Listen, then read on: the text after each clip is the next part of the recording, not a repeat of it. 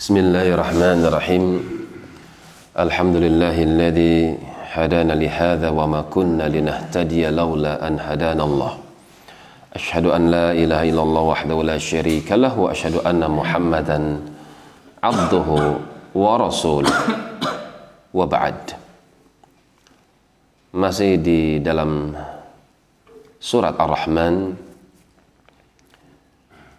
sampai firman Allah Subhanahu wa taala fihinna khairatun hisanun. Di dalam dua surga ini terdapat khairat wanita-wanita yang salihah yang baik-baik. Hisanun. Dan elok wajahnya. Khairatun sifatnya lagi tulus mulia baik hisanun wajahnya cantik menyenangkan bagi orang yang memandangnya. Fabi ayyi ala'i rabbikuma tukadziban. Maka nikmat Allah yang manakah yang kalian dustakan? Hurum maqsuratun fil khiyam. Yang mata besar mereka. Hurun matanya belok. Matanya besar. Maksuratun tapi tertunduk. Sama seperti sifat yang telah berlalu. Hanya saja dua surga yang sebelumnya yang disebutkan pada ayat-ayat sebelumnya itu lebih lebih mantap lebih tinggi kedudukannya dibandingkan dengan dua surga setelahnya. Kalau yang kemarin qasiratu tarfi ujung matanya aja nggak pernah menoleh kepada laki-laki selain suaminya. Adapun dalam ayat berikutnya di sini hur maqsuratun mata yang ditundukkan. Maka yang pertama tentu lebih suci dibandingkan yang kedua. Fil khiyami yang mereka itu dipingit di dalam kemah. Cuman kemah surga ini jangan dibayangkan seperti kemahnya orang camping. Kemah surga ini disebutkan dalam hadis yang sahih milik Bukhari Muslim.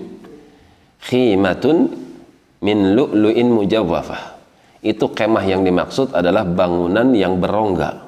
Semacam ada menaranya yang panjangnya situna milan. 60 mil bisa dikatakan 90 km ini rumah yang atau tenda yang dimaksud. Yang terbuat dari mutiara yang sangat indah. Maka bidadari tersebut disembunyikan di tempat itu. Fabi tukadziban. Maka nikmat Allah yang manakah yang kalian dustakan makhluk-makhluk tersebut sudah ada. Disediakan bagi mereka orang-orang yang beriman yang mereka mau meminang mereka para bidadari dengan mahar amalan yang salih. Lam yatmithunna insun qablahum wala jan. Adapun sifat keperawanannya sama. Belum pernah manusia demikian pula jin menyentuh wanita tersebut. Amat suci lagi perawan fabi ayyi ala'i rabbikuma tukadziban. Maka nikmat Allah yang manakah? Yang kalian dustakan. Dua ayat atau dua surga yang pertama pun sama. Disebutkan sifat bidadari dengan sifat keperawanan yang tidak pernah disentuh oleh jin dan manusia.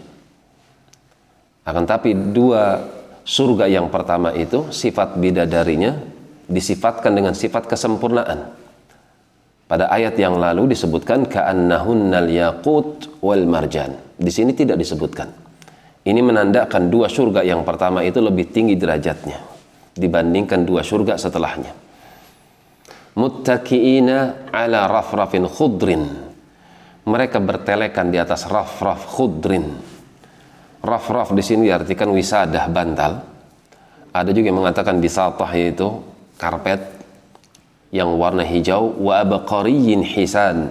Abqari diartikan riyad, taman, hisan yang sangat elok.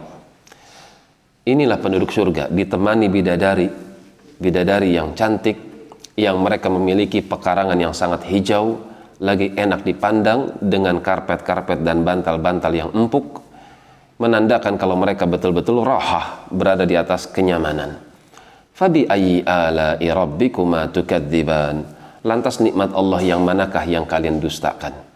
dunia ditundukkan untuk kalian surga pun dipersembahkan untuk kalian tabarakasmu rabbika maka maha berkah nama Allah Dzil jalali yang memiliki keagungan wal ikram dan juga memiliki kemuliaan dalam ayat ini memberikan kesan pelajaran buat kita bahwasanya nama Allah itu penuh dengan berkah karena itu siapa yang tidak menyebut nama Allah maka akan kehilangan berkahnya. Kan itu Nabi Shallallahu Alaihi Wasallam tidak pernah lupa makan baca Bismillah, minum baca Bismillah, mendatangi istrinya mengucapkan nama Allah, minta perlindungan, masuk ke kamar mandi pun sama, meminta perlindungan dengan menyebut nama Allah. Tabarakasmu rabbika karena nama Tuhanmu itu penuh dengan kebaikan, penuh dengan keberkahan maka siapa yang ingin berberkah, jangan pernah dia lepas dari Allah. Siapa yang ingin mendapatkan sekian banyak berkah dari Allah, maka jangan sampai lidahnya kering untuk menyebut nama Allah Subhanahu wa taala Dzil Jalali wal Ikram yang memiliki keagungan dan kemuliaan. Nabi Shallallahu alaihi wasallam pernah memberikan pesan, "Alidhu bidzal jalali wal ikram." Kalau doa hendaknya merengeklah kalian dengan menyebut nama Ya Dzal Jalali wal Ikram wahai Allah yang penuh dengan keagungan dan kemuliaan aku minta ini aku minta itu sebutkan hajatmu. Dengan menyebut Ya Dzal Jalali wal Ikram. Demikian selesai tafsir surat Ar-Rahman. Walhamdulillahi rabbil alamin. Subhanakallahumma wa bihamdik. Asyhadu an la ilaha illa anta astaghfiruka wa atubu ilaik. Tafadalu